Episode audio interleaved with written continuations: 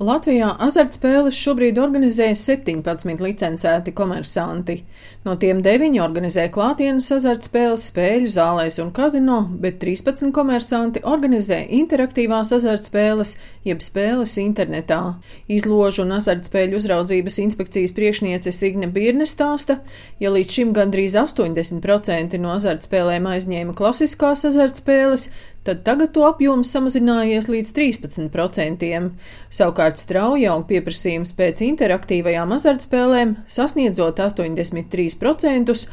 Un liels risks internetā ir nelegālais azartspēļu tirgus. Šajā gadā mēs jau esam 630 dažādus lēmumus pieņēmuši attiecībā uz 56 juridiskām personām par to, ka tiek piedāvātas šis nelegālais interaktīvo azartspēļu klāsts arī šeit Latvijā bez licences. Vēl viens rīks, ar ko mēs ierobežojam Latvijas iedzīvotāju dalību nelicenzētās azartspēlēs, ir tas, ka arī jebkura maksa par internetā saņemtu pakalpojumu ir jāveic caur banku, caur maksājumu iestādi. Un arī kredīti iestādēm ir dots uzdevums atteikt norēķinus par tiem maksājumiem, kuri tiks veikti uz šīm nelegālajām vietnēm, nelegālajiem operatoriem. Signe Birna min, ka nelegālais azartspēļu tirgus Eiropā varētu būt ap 20%, bet Latvijas Latvijas interneta azartspēļu asociācijas pārstāvis Gīns Parkārklis vērtē, ka nelegālais tirgus varētu sasniegt pat 50% no visa interaktīvo azartspēļu tirgus Latvijā. Tiek lēsts, ka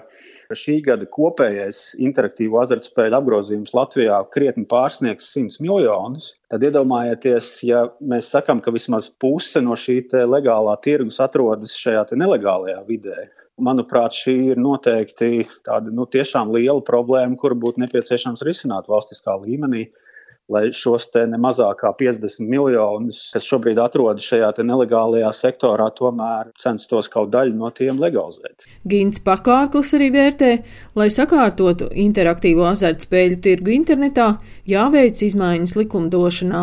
Azartspēļu reklāmas jautājumi, kurus būtu nepieciešams sakārtot atbilstoši šīs dienas realitātēm, tad dažādas mūsdienām atbilstošas, teiksim, norēķinu metodes tad netiek pieļauti dažādi šie elektronisko norēķinu veidi, kā piemēram PayPal un, un, un, un tam līdzīgi.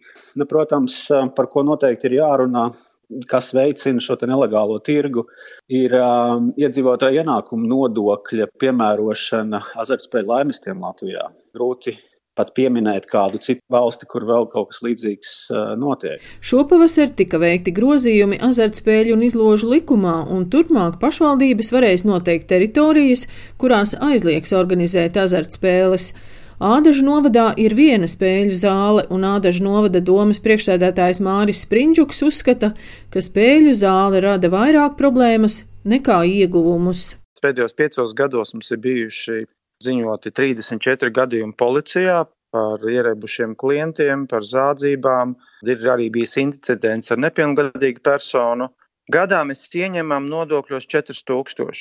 Nu, mana dziļa pārliecība, ka tātad tas sabiedriskais iegums no tiem 4000 un tas skaitējums nav, samērojams. Bet mēs gribētu dzirdēt arī iedzīvotāju viedokli. Jautājums ir par mums kā sabiedrību. Vai mēs gribam publiskās vietās, pašos pilsētas centros likt laimētājus vai priekanamus, dzertos vai lombardus. Izložu un azartspēļu uzraudzības inspekcijas priekšniece Signe Birne stāsta, ka šovasar jūlijā ministru kabinets apstiprināja azartspēļu un izložu politikas pamatnostādnes 21. un 27. gadām.